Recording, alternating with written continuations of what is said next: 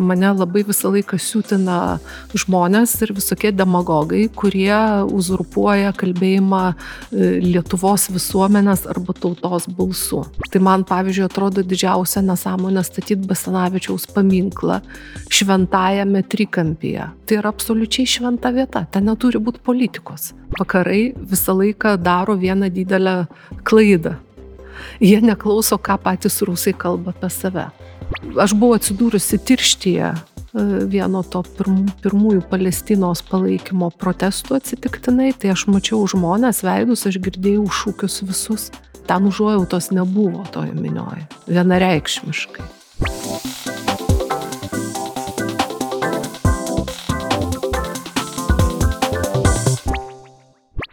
Laimingų šventų kalėdų.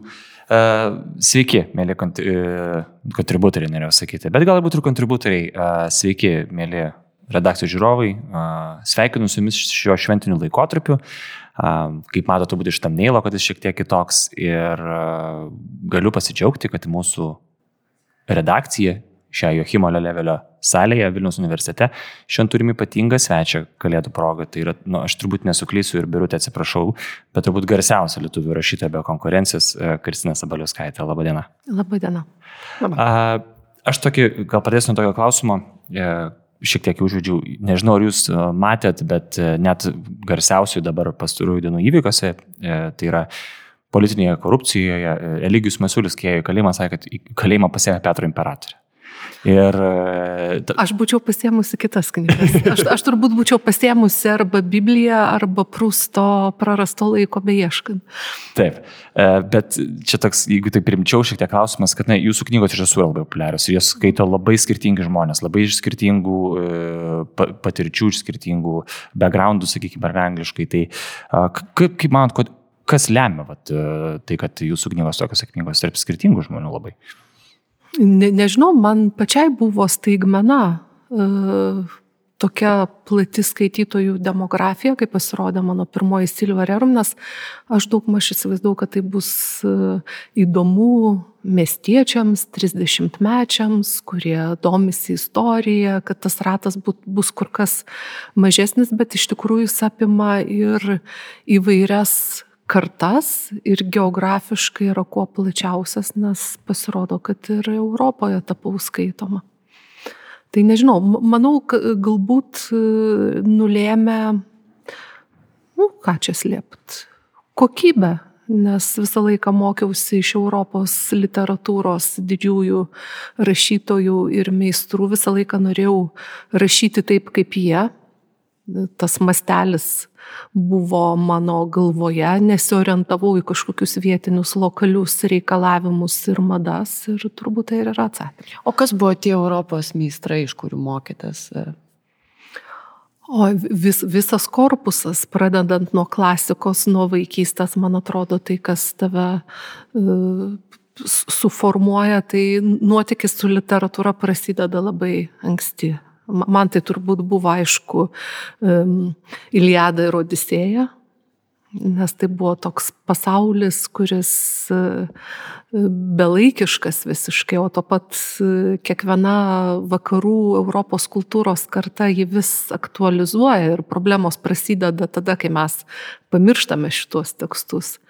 Graikų mitai, aišku, Ir paskui visi didėjai romanai, ir Robinzonas Kruzo, ir Gulliverio kelionės, ir Don Quixotas, ir taip paskui link tos didžiosios jau šiuolaikinės literatūros su visais jos grožiais XIX amžiaus romanais, XX amžiaus didžiaisiais tekstais.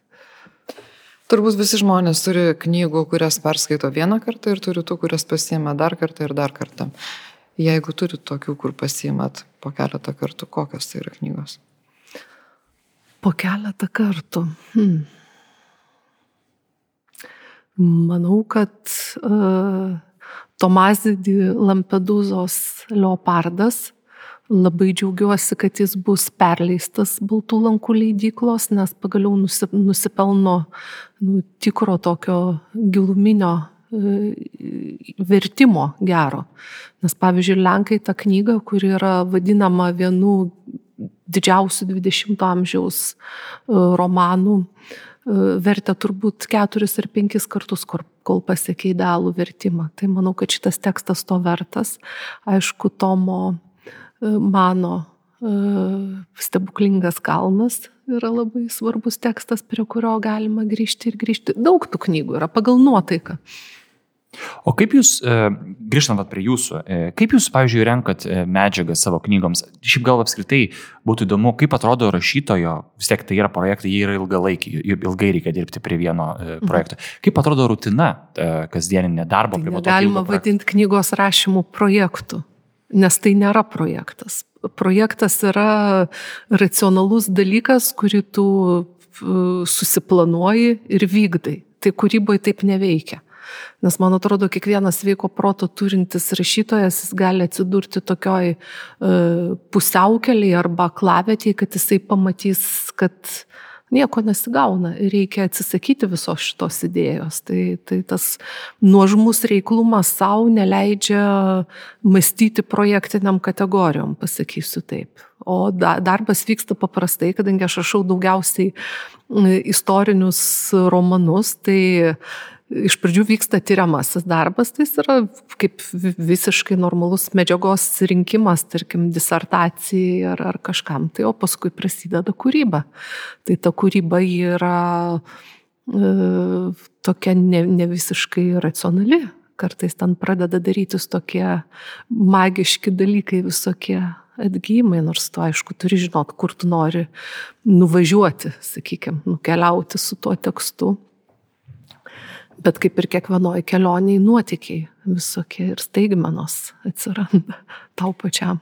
O kuri dalis, jūs sakėt, taip grubiai tariant, yra medžiagos rinkimas, tyriamasis darbas, įrašymas. Mhm. Kuri dalis jums pačiai yra įdomesnė arba kuri, kuri dalis yra ta, kurios labiau jau norisi ją daryti?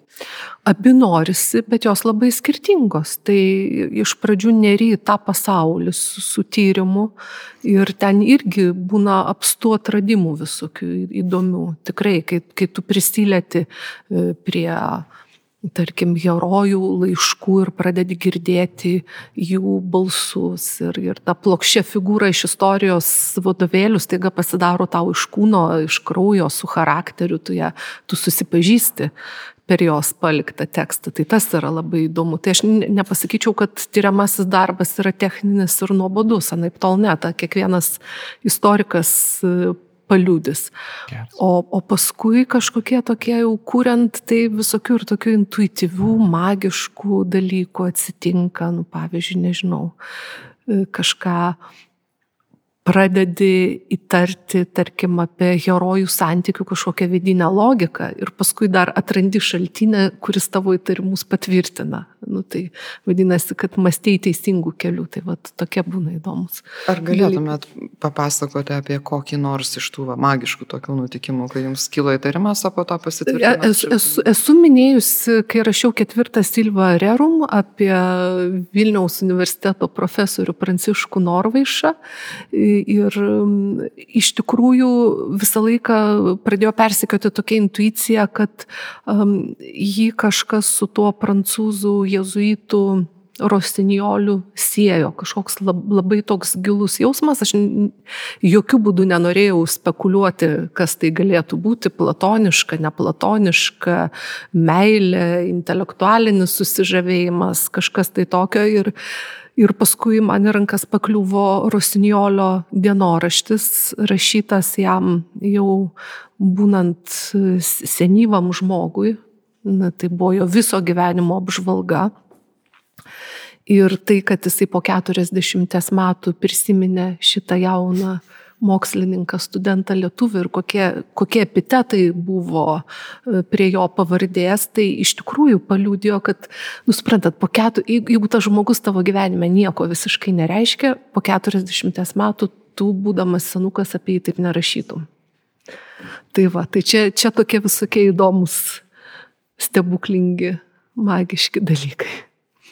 Kalbant apie literatūros pasaulį e, Lietuvoje, na, yra kalbama kartais, kad kalbant apie tą tokį gal kritikų arba, arba literatūros bendruomenės tam tikrus burelius, Kad yra tarsi toks požiūris, kad jeigu tave skaito šimtas arba tūkstantis žmonių, tai čia yra menas, o jeigu tave skaito dešimtis tūkstančiai arba šimtai tūkstančių, tai čia jau popsas, kuris gal nėra toks vertingas. Ar jūs susidurėt su tokiu požiūriu Lietuvoje? Nu taip, tai yra absoliutus, aš nemoku to kitaip pavadinti, kaip, taip, kaip absoliutus idiotizmas toks požiūris, nes tada šitie žmonės turėtų išbrauk, išbraukti Olgą Tokarčiuk, kuri iš karto leidžiama šimto tūkstantiniais tiražais, Anė Arno, daugybę Nobelio premijų laureatų ir nežinau, tai yra vi, vi, visiškai idiotiška ir nieko nepagrista. O iš kur jums atrodo susiformavo toks požiūris, kaip jūs sakot, pasaulyje juk rimtieji autoriai yra bestselleriai, kurie yra leidžiami ir perkami šimtais tūkstančių. Ir atrodo, kad nu, nėra liktai tokio. Va, tokio požiūrio į rašytojus ir į kūrinį? Nu, man atrodo, kad yra turbūt du, du uh, dvi priežastis. Tai viena yra tokia susijusi daugiau su kultūros istorija, kad vis dėlto, kai XIX amžiuje formavosi e, bestselleris kaip reiškinys, kai visos e, Europos tautos rašė savo didžiuosius romanus, ir rusai, ir lenkai, ir, ir prancūzai, ir vokiečiai, na, mes turėjome spaudos draudimą. Ir literatūrinė prasme iš esmės sulaužytas rankas ir kojas. Stebuklas, kad mes išlaikėm savo kalbą, apskritai alki literatūrai, aš nepaliauju didžiuotis, kad e, viena pirmųjų knygų e, panaikinus spaudos draudimą buvo Saliamono Banaičio išleistas Šekspyro Hamletas. Nu, man tai apie lietuvius labai daug liūdė, ar ne, kad ne kažkokie ūkininko vadovėliai išsileido vis dėlto Šekspyro Hamletą. Tai, tai iš tikrųjų buvo ekstremali visiškai situacija ir mes XIX amžiuje mes ne, nepraėjom to etapą, kurį praėjo visos tautos. Mes e, neturėjom autorių teisų formavimuose, kuri vėliau Berno konvencija vainikavo. Mes neturėjom tų didžiųjų tokių autorių kaip Dickensas, kaip Dostojevskis, kurie jau XIX amžiui buvo bestselleriniai, ten skaitytojos alpo ir, ir tai būdavo reiškinys didžiausias kiekvienos knygos pasirodymas. Nu ir paskui ta mūsų literatūros genezė, jinai tarpu karių pradėjo vystytis, buvo didžiulis šuolis iš tikrųjų autorių, kurie pagaliau prieš pat karą susiformavo europinio lygio talentai ir autoriai, nu ir paskui vėl sovietmetis, cenzūra, reikalavimai rašyti pagal klasių e, kovos kažkokias marksistinės klišės. Jūs juk pasižiūrėkit, netgi jeigu mes paim, paimsime šio laikinę lietuvių literatūrą, tai tie sovietinės indoktrinacijos ir klasių kovos atspindžiai, jie tebėra gajus ir dabar. Na, tarkim, šio laikiniai e, nepriklausomos Lietuvos literatūroje per 30 metų bent jau man nepavyko aptikti ne vieno personažo, kuris būtų pasiturintis ir nu, patrauklus kaip literatūrinis personažas su kažkokiam normaliom e, egzistenciniam dilemom. Visą laiką yra vaizduojama, kad e, jeigu pasiturintis, tai būtinai yra sugedęs, kvailas, merkantilus, nu žodžiu, dar ta tasa yra ir, ir žmogiškasis damuo. E, ir yra persipinusi labai kritika, kritinius straipsnius dažnai rašo patys e, literatai, e, autoriai, kurie patys publikuoja savo knygas. Ir aišku, yra labai skaudu ir apmaudu, kai kito knyga išeina ir ten didelis tiražas, visi kalba, visi skaito, visi nori, o, o tavo perskaito gal trys pažįstami ir patapšnoja per petį. Tai... Jeigu taip paprasčiau kalbėtume, ar galime tą tiesiog vadinti pavydu?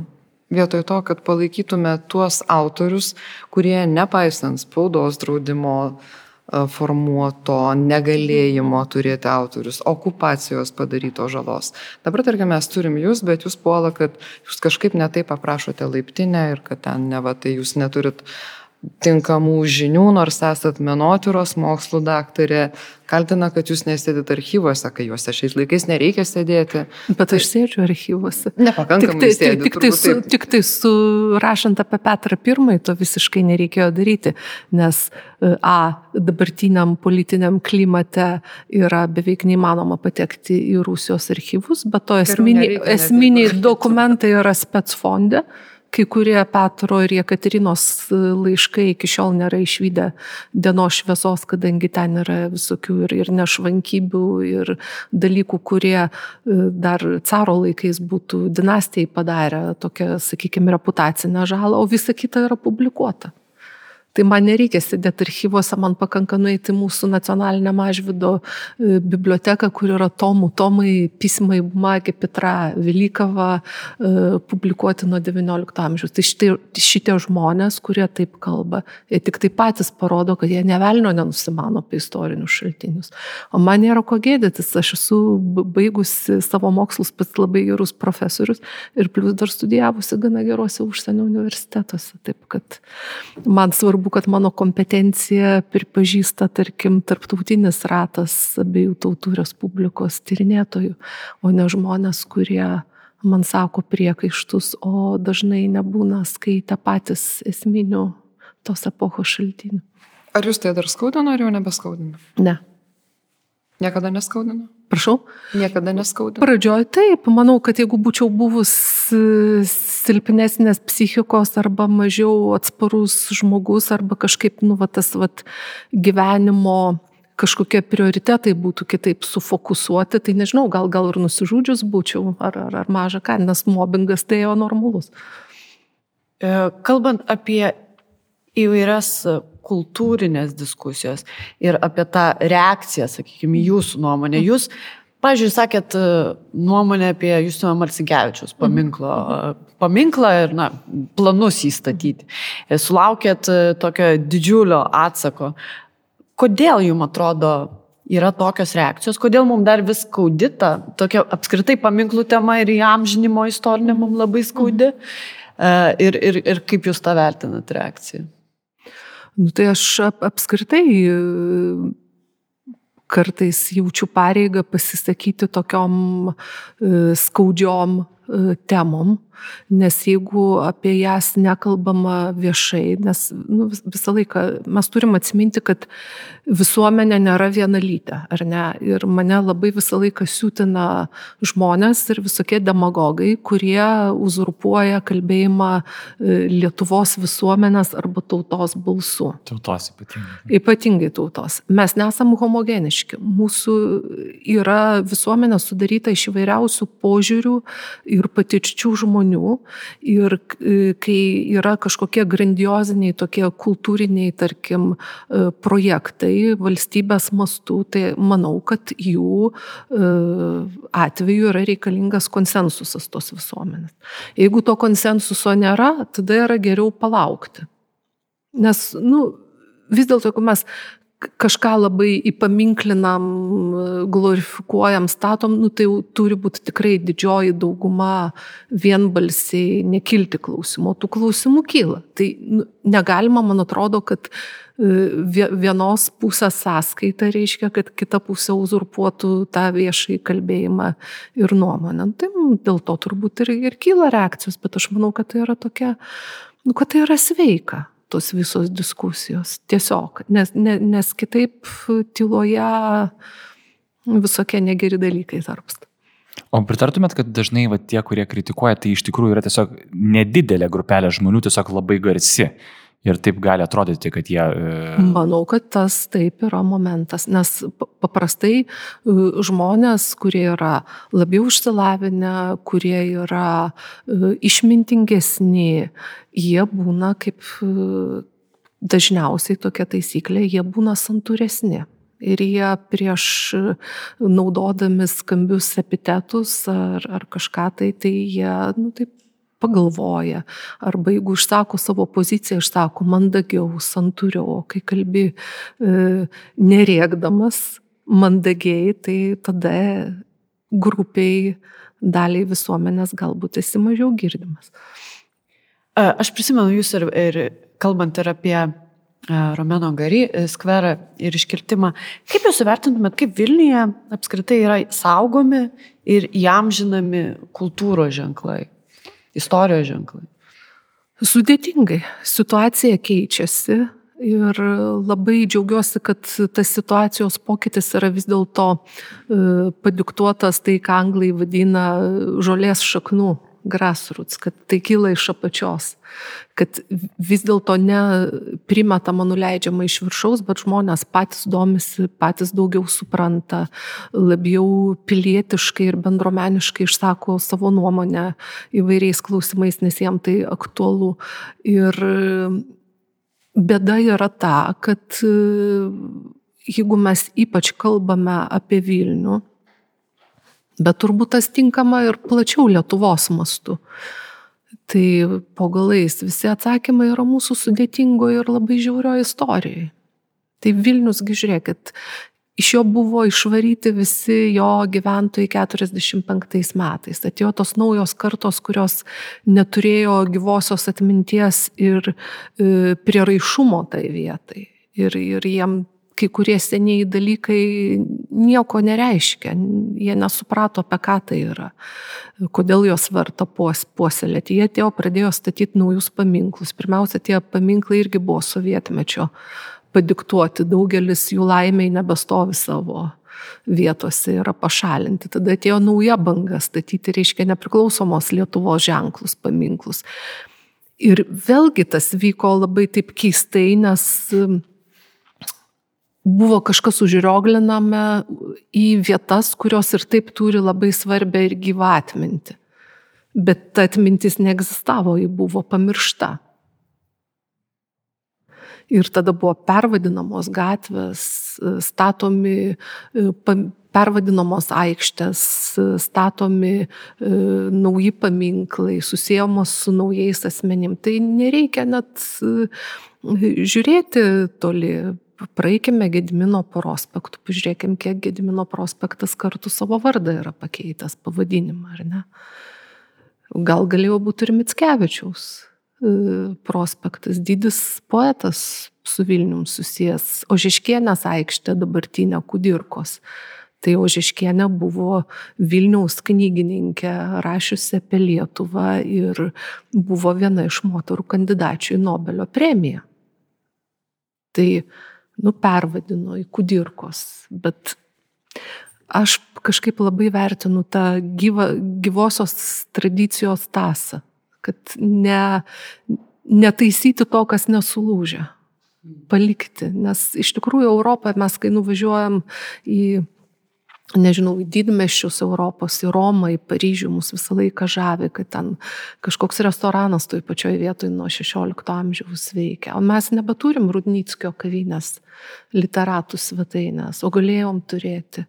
O galėjom turėti gulbės vaistinę, kuri nuo 18 amžiaus pabaigos veikia. Jas sunaikinom nepriklausomybės laikais.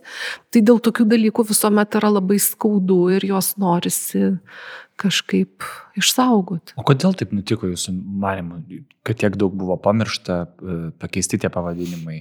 E, arba negražinti senesni pavadinimai, kur galėjai ilgesnę tradiciją laikyti, ar ne? Ar tai iš neišprusimo, ar nežinojimo, ar noro įtvirtinti, sakykime, tą tokį vis tiek, tą tokį tautiškumą, kas yra susijęs su 20-ojo amžiaus pradžia, Kudirka, Pasanavičius. Ir... Tai vis, viską galima įtvirtinti bet galima įtvirtinti ten kitoj vietoj, kuri neturi jau tokio istorinio krūvio. O Vilniaus centras natūralu per šimtmečius yra prisisodrinęs tų vietų visokių ir šventų. Tai ir tai yra daugeliui pasaulio religijų labai šventas miestas. Tai buvo pamirštas visiškai unikalusis e, religinis Vilniaus krūvis. Tai man, pavyzdžiui, atrodo didžiausia nesąmonė statyti Basanavičiaus paminklą šventajame trikampyje, aštrejame, kuris ir, kur yra bazilionų vienuolynas su Konrado celė, kur yra stačiatikių šventosios dvasios cerkvė ir kur yra užos vartai. Tai, tai yra absoliučiai šventa vieta, ten neturi būti politikos.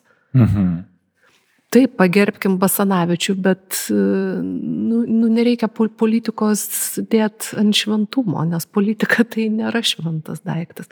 Tai man atrodo, tai buvo labai daug tokių dalykų susiję ir su nežinojimu, ir su begaliniu noru pažymėti savo teritoriją.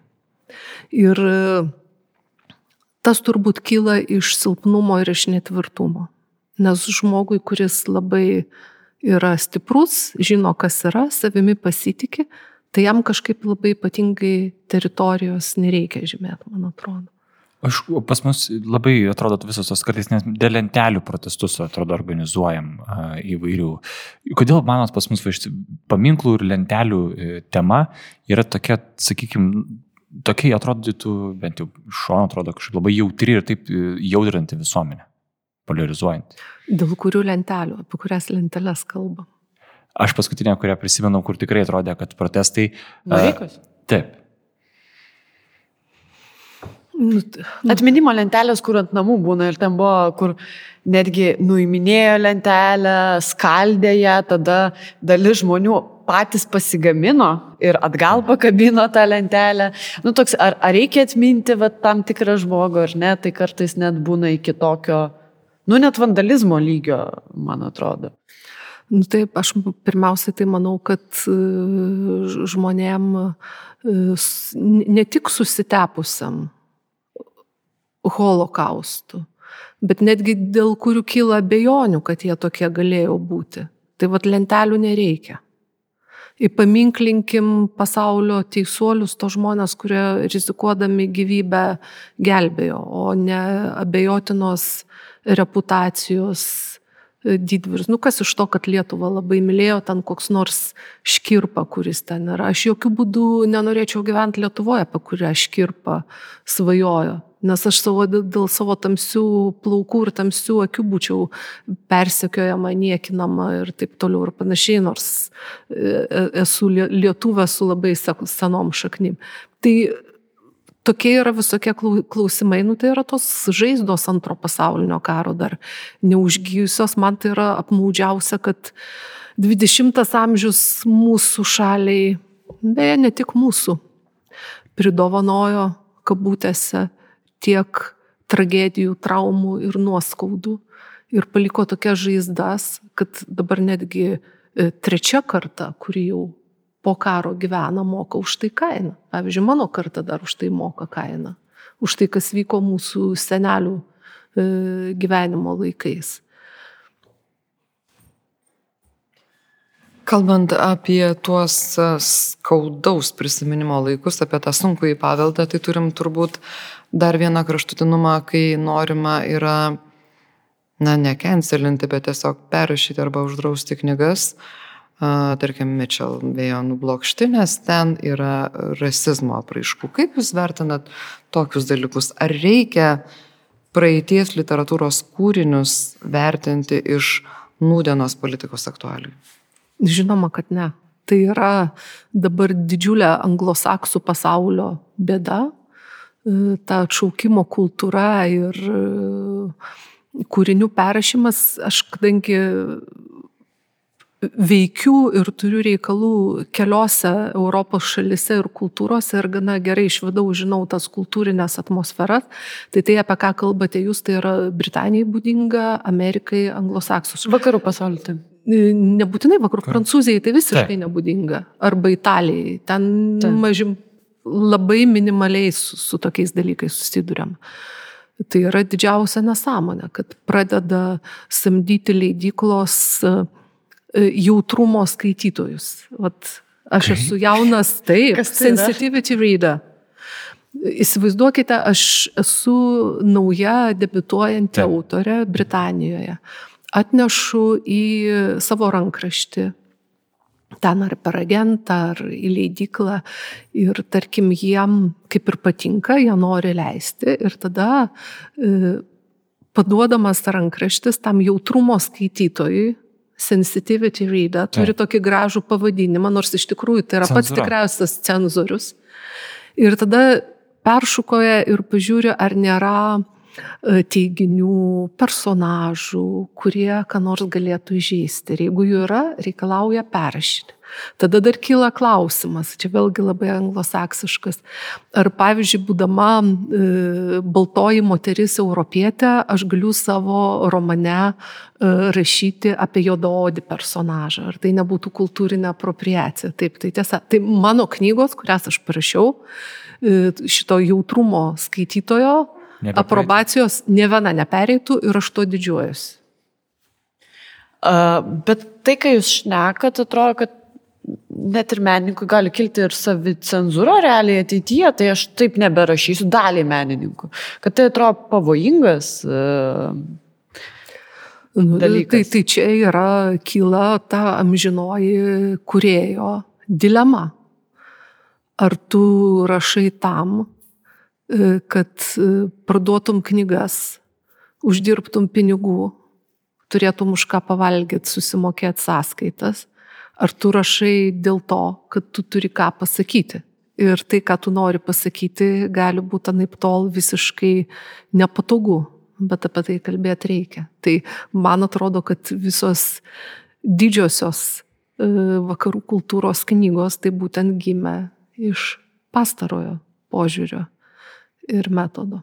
O tai net jeigu dabar rašai apie, sena, apie romaną, tarkim, kurio veiksmas vyksta XIX amžiaus pradžioje, ar ne, kažkokiai nors kolonijai. XVI amžiuje rašai Taip, romaną. Sakykime, ar ne, tai tu turėti tikti vis, visus tos e, jautrumo kriterijus.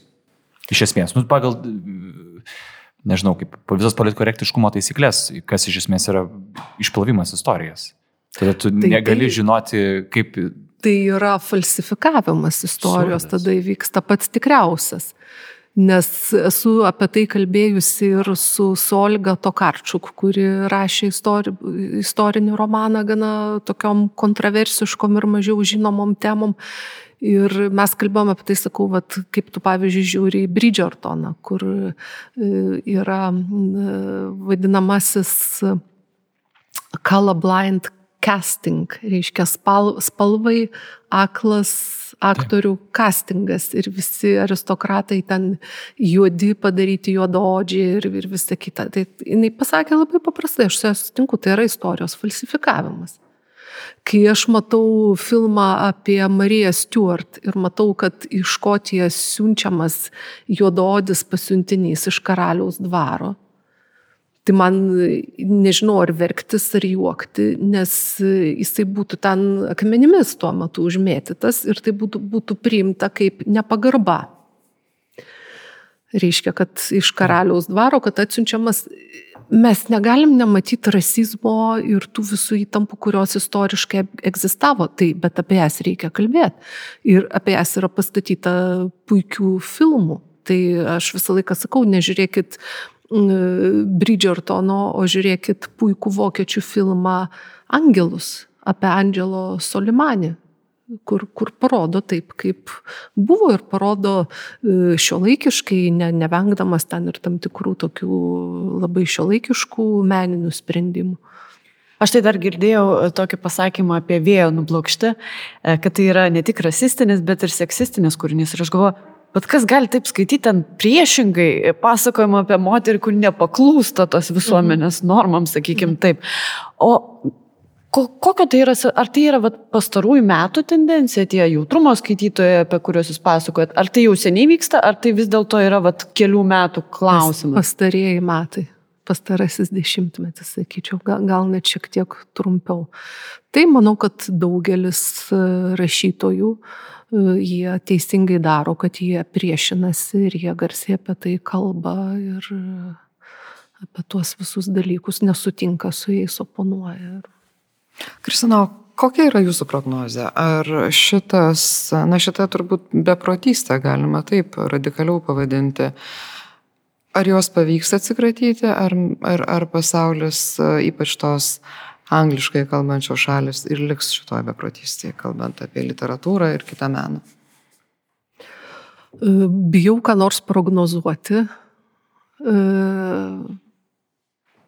iš vis vengiu užsiimti būrimų iš kavos tirščių, nes kaip žmogus e, pakankamai studijavęs istoriją ir istorinės epochas, tai žinau, kad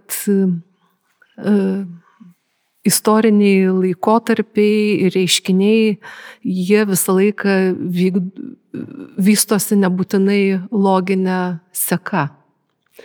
Ir negalima išmesti iš istorijos dviejų svarbių dalykų - kvailo atsitiktinumo ir emocijos. Nes emocijos irgi labai dažnai diktuoja neracionalius istorinius sprendimus, tarkim, balsavimuose, perinkimuose. Tai aš visą laiką kaip pavyzdį duodu Brexitą, kai buvo sukurstytos emocijos anti-imigracinės labai smarkiai ir ėjo žmonės nubalsavo iš įstojimo, o paskui patys dėl to neteko darbo, nes tarkim e, japoniškų e, mašinų gamintojai pašalino e, savo fabrikus kuriuose jie dirbo iš Britanijos dėl nepalankios mokestinės atmosferos. Tai viena vertus visiškai iracionalus loginę ir komercinę naudos prasme sprendimas padiktuotas emocijos ir rezultatas yra toks, koks yra. Ir melo. Buvo primeluota žmonėm, buvo pasakyta, kad tie pinigai galėsit kiekvieną dieną gauti pinigus, kuriuos siunčiame Europos Sąjungai. Jūs apie Rusiją esate sakiusi netaip seniai, kad Rusija nėra Europos kultūros dalis. Gal galėtumėte išplėtoti šitą mintį? Taip, labai, skamba iš pirmo žvilgsnio labai kontroversiškai, bet vakarai visą laiką daro vieną didelę klaidą. Jie neklauso, ką patys rusai kalba apie save. Aš visą laiką mėgstu, kai aš trinėjau ar istorinę asmenybę, ar kultūrą, ar kultūrinį reiškinį, aš visą laiką mėgstu leisti byloti pačiam objektui tam. Taip, bet jūs pasiklausykit, ką rusai istoriškai visą laiką kalba. Taigi, kaip gali kultūra priklausyti Europai, jeigu ji pati save apsibrėžia per konfliktą su Europą?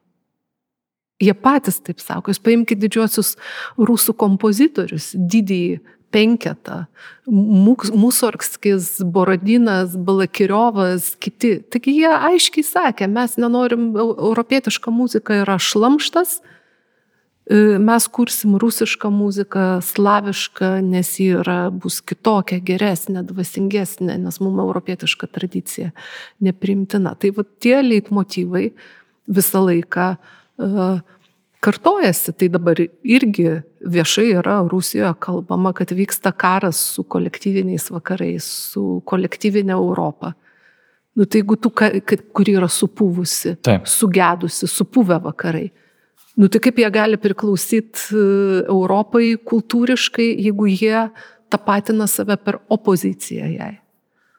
Tai man atrodo, mes neklausome, ką žmonės kalba, o Europo, Europos ir Rusijos santykis nuo 20 amžiaus ar ten nuo 19 amžiaus pabaigos, tai jis man primena tokia, nu kaip 18 amžiuje šinoazerija buvo madinga, ar ne, toks susižavėjimas Kinijos kultūra. Nei kas ten buvo buvę, nei kas kiniškai mokėjo, bet va, tos va, formos pasirodė labai gražios, spalvingos, egzotiškos, porcelianas, lakas, taip toliau ir panašiai. Ir Europą susižavėjusi pradėjo imituoti, jai patiko, tai tas rusiškasis kevalas, spalvingumas, jis gali būti aukšto meninio lygio, dėl to niekas nesiginčia. Jis gali patikti europiečiams, jo galima žavėtis, bet tai nėra kultūros dalis, nes tai yra, jie sako, kad tai yra priešinga. Mes prieš keletą mėnesių Vilnius universiteto rektorių kalbinam ir aš jam tokį klausimą turėjau, tokį šiek tiek ir norėčiau šiaip jums panašų užduoti, jeigu galima. Aš jo klausiu, jeigu ateivis nusileistų žemę ir jam reikėtų paaiškinti, kas yra Lietuvos didžioji kunigaikštystė. Aš norėčiau jūsų paprašyti, gal jūs, pavyzdžiui, galite tiesiog vat, paaiškinti Rusijos kultūrą ir jos identitetą. Kiek mes turim laiko? Kiek jūs turite laiko? Kiek jūs turite laiko, šiaip iš esmės, bet taip pat sakykime, nesuprantančiam žmogui, nes dabar labai atrodo persipina, visi turi savo nuomonę, visi kažką girdėjo ir tokiais gandais, aidais e, mhm. nueina tas pasakojimas. O jūs tikrai labai daug tyrinėjusi ir, ir, ir... Bet apibūdinti, gal taip grubia prasme, Rusiją ir jos identitetą. Tai aš, aš siūlyčiau irgi, kiek girdėjau, bus išleista knyga Orlando Fidžeso Natašos šokis kultūrinė Rusijos istorija. Vis, visiems labai rekomenduoju ją paskaityti. Pati nekartą ją esu skaičiusi ir ten yra su tokia su giliu išmanimu, su aistra netgi, sakyčiau, bet tuo pat metu visiškai objektyviai išnagrinėtas tas kultūrinis DNR Rusijos. Tai kalbant labai trumpai, Tai uh, išskirčiau kelis esminius momentus, kad uh, žiūrint per vystimosi tūkstantmečius, uh, tai yra vis dėlto izolacionistinė labai kultūra, kuri didesnę laiko dalį dėl vienų ar kitokių priežasčių arba buvo izoliuota, arba vis pati save izoliuodavo nuo vakarų Europos procesų. Ir antras dalykas, joje visą laiką grūmėsi dvi srovės proeuropietišką ir tokią mesenistinę slavofilinę. Ir jos labai dažnai tarpusavėje konfliktuoja ir viena ir kita yra pagimdžiusi meniškai įspūdingų dalykų, to niekas nepaneigs, bet visą laiką vyksta ta tokia trintis. Ir reikia pasakyti, kad europeizatoriai, zapadnikai dažniausiai vis dėlto pralaimi. Nes po visų to dar tvyro labai tamsios needukuotos ir brutalios masės, kurios lengviau vis dėlto tapatinasi su ta vietinė tokia slavofilinė tendencija. O kaip jūs žiūrite rusų klasikus, rašytojus? Nes yra skirtingi požiūriai. Vieni sako, kad nepaisant to, aš vis tiek skaitau ir nepaisant karo, aš vis tiek skaitau ir skaitysiu Dostojevskį. Kiti sako, kad ne, reikėtų dabar kažkaip izoliuoti tuos literatūros kūrinius ir taip toliau. Mm, aš į klasikus ne tik literatūros, bet ir muzikos ir žiūriu labai paprastai, man visiškai suprantama, kam kyla e, atmetimo reakcija Ir natūraliai žmonėm nesinori ir tai yra šventa teisė, tai visos asociacijos šiuo metu dėl smurto ir žiaurumo gali tikrai tokią atmetimo reakciją sukelti. Kita vertus, negalima atmesti to, kad aš kaip minėjau, tai yra gausybė labai aukštos kokybės kūrinių meninės. Nu tai ką dabar nustot skaityti Aną Kareniną? Tolstojaus, kur vienas geriausių kada nors parašytų romanų, kuris yra skaitomas tikrai transnacionališkai, nes tai yra apie bendražmogiškus dalykus labai. Yra E, daugybė kitų kūrinių yra poezija sidabro amžiaus, kur iš esmės tie žmonės, kurie ją rašė, taip patys paskui buvo labai nuo totalitarizmo nukentėję ir Mandelštamas, ir Akhmatova, ir Cvetajeva, taigi visi buvo e, represuoti. Yra Čaikovskio spragtukas, kuris tapęs Europos iš tikrųjų kalėdinės nuotaikos e, įkūnymų. Įkūnymų, kuris buvo europeizatorius Čaikovskis buvo vienas iš europeizatorių, jisai pasėmė tą Hoffmano pasaką, jisai sukūrė muziką norėdamas kurti būtent europietiško stiliaus, europietiško lygio mu muziką.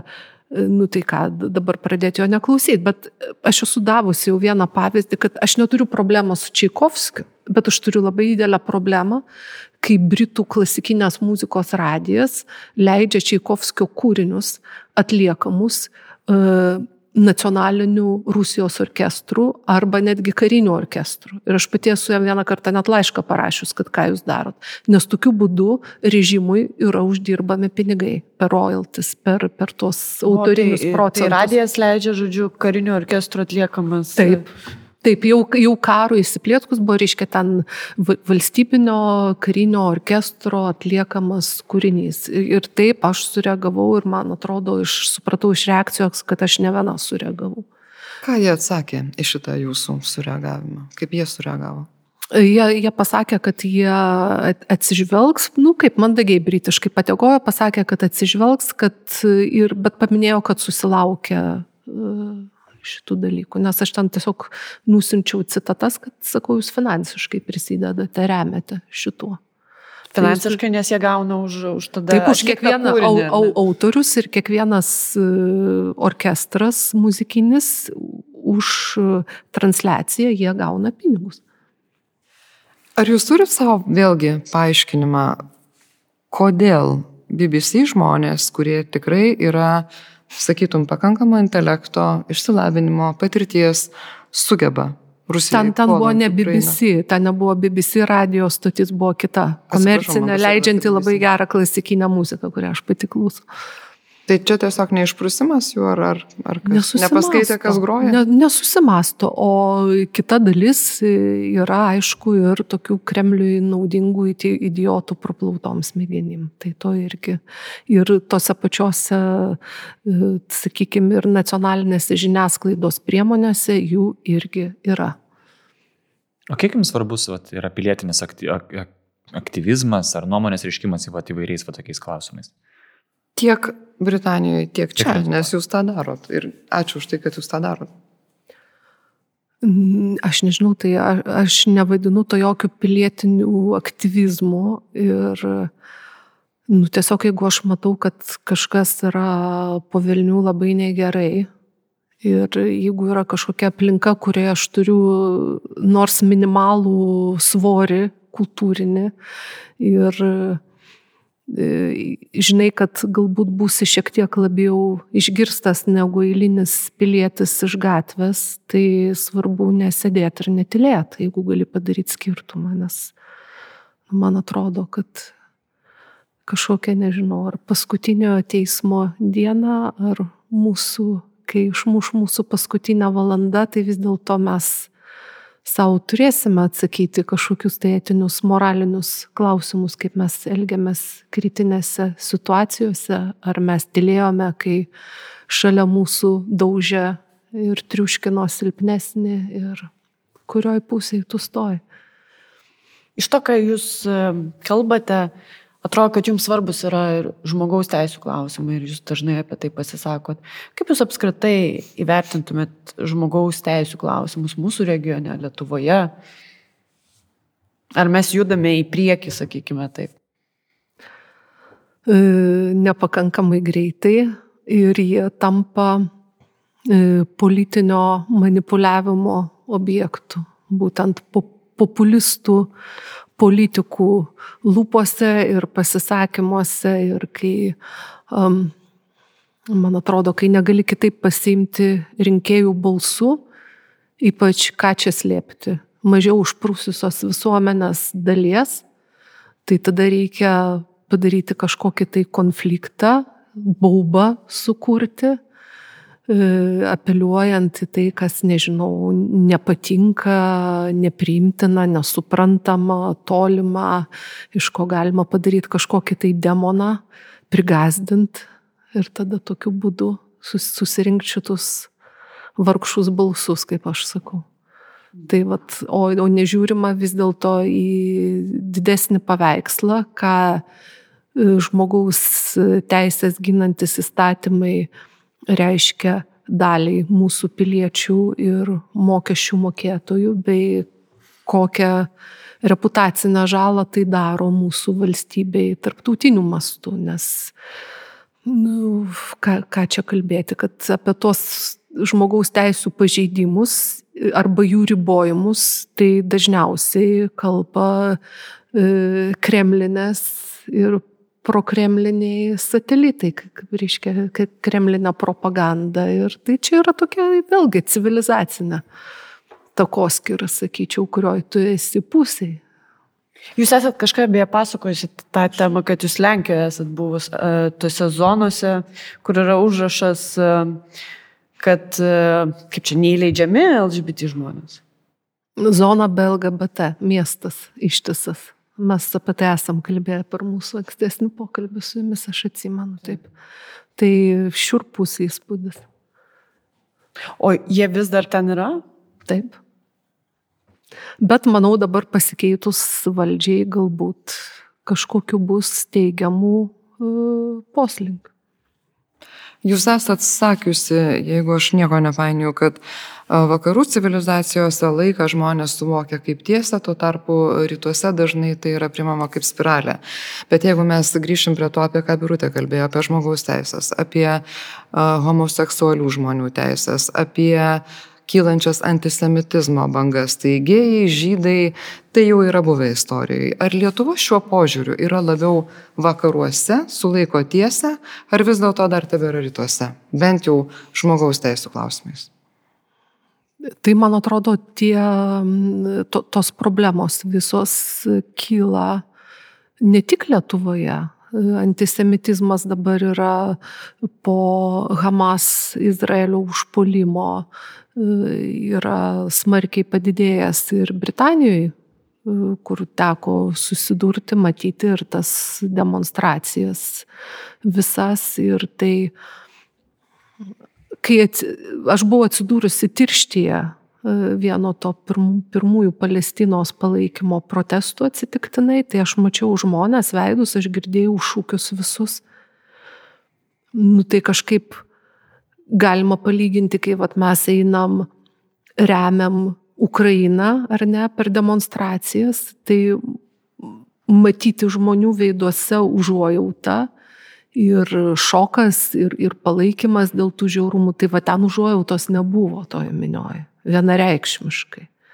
Tai buvo atsuktas ventilis antisemitizmo ir žodžiu, kad taip jiem reikia ir didžioji dalis, sakykime, tai buvo uh, afrikiečių arba arabų kilmės žmonės, kurie ėjo toj minioj, tai, tai buvo grinai prie, prieš už islamą, prieš vakarus ir Pyktis labai, ir labai labai antisemitiška, taip. Jūs neseniai parašėt komentarą, kuris sulaukė labai labai daug dėmesio, visas Facebookas kalbėjo apie jį bent jau. Uh, Kaip gerai, kalbą. kad nesu ant Facebook'o. Tai, apie, apie, ir jums atsakymus rašė jo, ir jums komentarus ten rašė tai, ir taip toliau. Tai galite tai rašyti kažkur viešai, nes ne, ne, ne, neįkvoti energijos Facebook'ui, nes aš neturiu ten jokios paskiros ir nieko nematau. Tai va, tai komentaras buvo apie kalbą. Kaip Jūs vertinat kalbos reguliavimą Lietuvoje ir kas paskatino parašyti galbūt tą komentarą? Tai paskatino tai, kad buvo, reiškia, eilė e, tokių probleminių įtampų, nes viena vertus mes turim labai didelį e, kitakalbių antplūdį dabar ypač Vilniui, o beje ir visoje Lietuvoje. Ir reikia žinot, ką su tuo daryti, kaip to žmonės integruoti. Ir man atrodo, kad yra tikrai E, praktiškai nieko nedaroma, kad juos integruotume, o yra energija ir lėšos eikvojamos, kad tą kalbą saugoti nuo kažkokių tai įsivaizduojamų baubų. Ir ant, antras dalykas, kad tikrai buvo labai e, ribojanti griežta restrikcinė kalbos politika, kuri jau dabar per 30 metų duoda tokius vais, vaisius, tai daug kas ten piktinosi, ką jinai rašo nesąmonės, čia jau maždaug 10 metų arba nuo 13 metų jau neveikia tas ir tas po, potvarkis, bet yra vaisiai subrandinti šitos politikos ir yra žmonėm veikia tokia savicenzūra, kad jie vis dar, pasižiūrėkit, ar kavinė jums laisvai parašys valgeraštį meniu, kaip jie nori. Ne, jau yra susigūžę, įsibaiminę ir ten pridės tų visokių kvailų gražgarščių ir, ir, taip, ir, ir kitų nesąmonių. Tai man atrodo, kad ten, kur reikia rūpintis kalba ir ją stiprinti ir didinti jos imti ir um, didinti kalbėtojų lietuvių kalbą skaičių.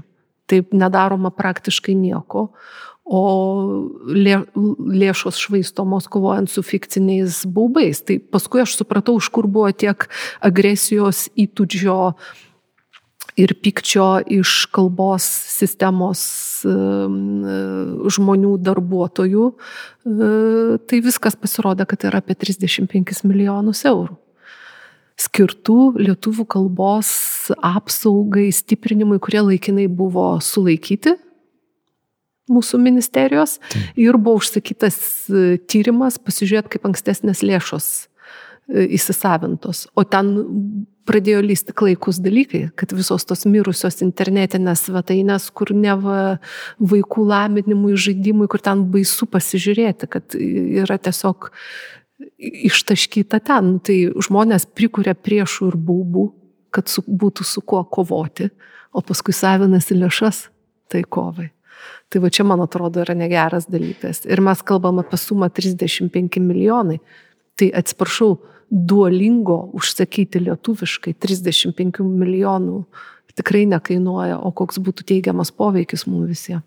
Aš manau, kad už tiek Aleksa galėtų kalbėti lietuviškai, turbūt spėjau, kad O kaip jūs, pavyzdžiui, jaučiatės arba jautėtės, ar jūs gal ne, nekreipėte dėmesio parašyti ir tiek, nes tai e, tikrai buvo tada toks įpyktis į jūs nukreiptas e, iš lietuvių kalbos komisijos ir taip toliau. Kaip šiaip emociškai, e, ar jūs sakote? Nu, žinot, žinot, pradėti nervuotis, kad ant tavęs pyksta žmonės, kurių tu ne tik nelaikai autoritetais, bet jie tau dar ir atgrasus Tai ko čia pyk? Tai čia aš priimu kaip komplimentą, aš labai susirūpinčiau, jeigu jie man pradėtų ditirambus gėdoti. O ar jūs kaip rašytoja buvote susidūrusi Lietuvoje su kalbos reguliavimu? Kitaip tariant, vis tiek rašytojų nieks jau nebaudžia už ten kažkokius pavadinimus. Dieve mano, kiekvieną kartą net su geriausiais redaktoriais. Jau dabar jau leidikla tikrai labai remia su paskutiniam knygom, e, reiškia, bet aš niekur, nei Prancūzijoje, nei jo labiau Lenkijoje, nei kitur, kur teko dalyvauti redaguojant mano knygas, aš su tokia politika nesu susidūrusi, kokia buvo čia. Tai pirmiausiai redaktorius, ačiū Dievui, dabar jau matau, kad atviriau kalbant, daugiau redaktorių atsipalaiduoja, yra daromos kažkokios jau ir tokios e, profesinės konferencijos, debatai, kad kažkaip apsibriežti tą redaktoriaus vaidmenį. Aš jokių būdų nesu prie, prieš redaktorių, turiu pasakyti. Pavyzdžiui, Vojcechas Adamskis, Olgos Tokarčuk redaktorius, kuris redaguoja ir mano e, knygas lenkiškai, tai yra vienas nuostabiausių profesionalų, su kuriais yra tekę dirbti, kuris gali bet kuriuo momentu pasakyti, ar žodis toks buvo vartojamas 17 amžiuje, ar tai yra anachronizmas, tai yra malonumas dirbti su tokiais žmonėm. Tu sužinai daugiau, pasisėm. O tu tarpu Lietuvoje, nu, tai redaktorius pirmiausia turi parodyti, kad jis dirbo. Tai jis gali gauti visiškai švarų, gražų tekstą, bet jis tai pavyzdžiui paims ir sukeis žodžius vietomis. Nu, nes jam reikia parodyti, kad jis kažką tai darė. Suprantat? Mano leidėjai paliūdis, kad ir, ir Saulis Žukas, ir, ir, ir, ir kiti visą laiką jie sako, kad nu, kaip, kaip reta švarus mano rankraščiai ateina į leidyklą. Bet nu, vis tiek vat, reikia patirbėti. Ir tada prasideda nesąmonė.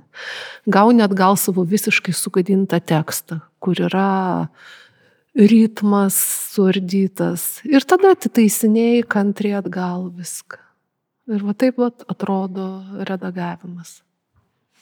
O, o paskui, kai prasideda toks didelis vėlimas, tai kartais ir tikrai, kur reikia suredaguoti, nu pavyzdžiui, ten e, padarai kažkokį tai lepsusą, nes mes esame visi žmonės, bet to yra dar, kai rašai, vyksta pokyčiai visokie teksto, tu kartais kažkur tą siuliuko galą ir pats pameti. Ir tai ten nu, turi parašyti, kad nujojo į dešinę, o parašyta, kad nujojo į kairę, reikia pat, pataisyti. Tai va tada tokie dalykai, kuriuos tikrai reikia taisyti, tai jie pasimeta, nes per tos visus bereikalingus stumdymus. Taip kad, nu jo, kažkaip tai taip.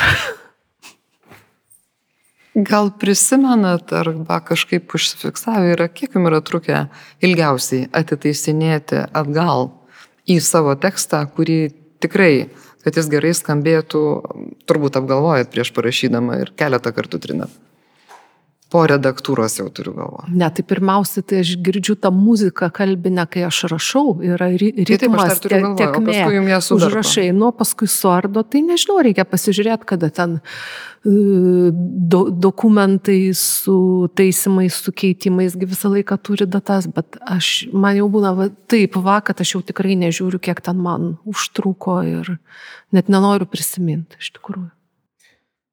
Aš tai prisimenu, kad e, e, kai pranešė prezidentą rašym, gal penkis kartus mums buvo ištaisę citatui žodis humoras, nes prezidentas sakė humoras. Mes sakom, taip reikia palikti, jis taip pasakė. Ne, sako, turbūt humoras. Kaip čia taip gali būti? Tai tokius dalykus e, taiso redaktoriai tekstuose vis dar, ar ne? Nu, bet jeigu tai yra personažas, o šiuo metu, šiuo atveju istorinis personažas, tai kaip galima taisyti gyvą kalbą? O kaip jūs kovojate su tokiu redagavimu? Kaip jums pasiseka įtikinti finale leidiklą, kad vis dėlto bus taip, kaip aš parašiau? Nu, tai labai paprastai. Vis, visą laiką e, kontrakte būna punktas e, išleisti be pakeitimų, kuriems autorius nepritarė. Tai vis tiek ta veto turi galutinį, tik tai aišku, nervų ir, ir visa ko labai kainuoja. Jisai visada šitas punktas buvo ar atsirado kažkada? Visada. A. Gal einant link pabaigos, mes taip pagalvojom, vis tiek e, pokalbį išleisim per kalėdinį laikotarpį. Jūs esate žmogus, kuris daug tyrinėjo LDK istoriją, ATR istoriją. Gal jūs galėtumėte apibūdinti, kaip kalėdos buvo švenčiamas anų laikų Vilniuje, ar pasikeitė ir kaip pasikeitė tos tradicijos kalėdinio laiko? Ar esame kažką išsaugoję, pavyzdžiui? Ja. Sunku pasakyti. Kalėdos gal, man atrodo, vis tiek yra tokia labai e, sakrali e, šventė, kur labai saugoma tradicija, tai kažkokių labai didelių pokyčių nėra. Tik tai aišku, kad labai skiriasi miestiškas šventimo būdas ir kaimiškas šventimo būdas. Tai dabar, sakyčiau, yra labai daug tų kaimo tradicijų atkeliavę į miestus.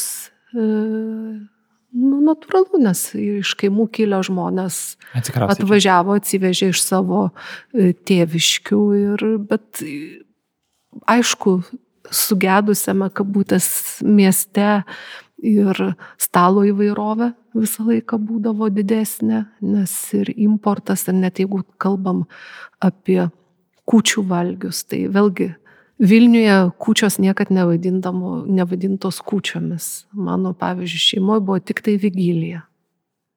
Nes tai yra vigilija, tai yra laukimas, kol e, gims kūdikėlis Jėzus, būdėjimas, budrumas ir tas lotiniškas žodis visą laiką miestuose vartotas. Ir aišku, visi eidavo į bernelių mišes, bet ten, tarkim, ant kučių stalo galėdavo būti ir kažkokie vežegyviai ir egzotiškesni e, prieskoniai, ten žuvis pritaisyta šafranu ar dar kažko, tai, tai man čia truputėlį atrodo taip keista visi debatai, kurie labai dėl maisto pas mus e, vyksta, kas tradiciška, kas netradiciška, nu, tai mieste tradicija buvo visą laiką lankstesnė. Tai nežinau, man vis, mūsų šeimoje visą laiką yra viena tradicija, kurios visi labai laukiam, kad aišku, vigilija ir tas stebuklo laukimas tai yra visiškai magiškas laikas ir to neturi galbūt kitos Europos šalis ir aš kaip pasakoju, pavyzdžiui, ten ar Britam ar kitiem, tai jiem labai tai kelia susižavėjimą kad sako, kaip, kaip gražu, prasminga, tylu. O Kalėdų diena, kad viskas nebūtų grubiai tariant tik tai apie ėdimą, mhm.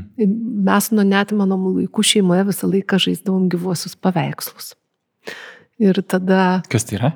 Nu tai Įdinti gyvą. Pasie, pa, pasiemi kelis e, šeimos narius, nulendi ten kažkur į kitą kambarį ar į kampą susitari, ką tu pavaizduosi ir tu turi personifikuoti, gali ten apsirengti kažkaip, tai, o likusiai turi atspėti. atspėti. Ir tai yra labai juokinga ir ypač vaikam, kur, kūrybiškumas tada visas įsijungia ir su humoru ir visaip kitaip tai būna juoko gausybė.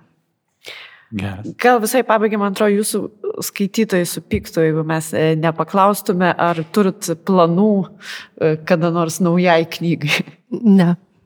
Kol kas ne. ne. Ačiū labai Jums, Kristina, už skirtą laiką. Ačiū visiems žiūrėjusiems.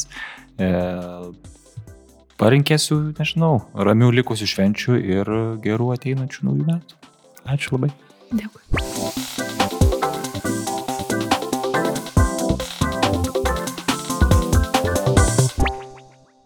Aš sakiau pradėsiu, bet gali rytą pradėti. Aš tai galvojau, kad birutė. Tikrai nuoširdžiai galvojau, kad birutė. Ne, kad kas nors blogo čia, žinai, prieš tave, bet Mes pasirašym, tikrai nebijok. čia ne dėl to.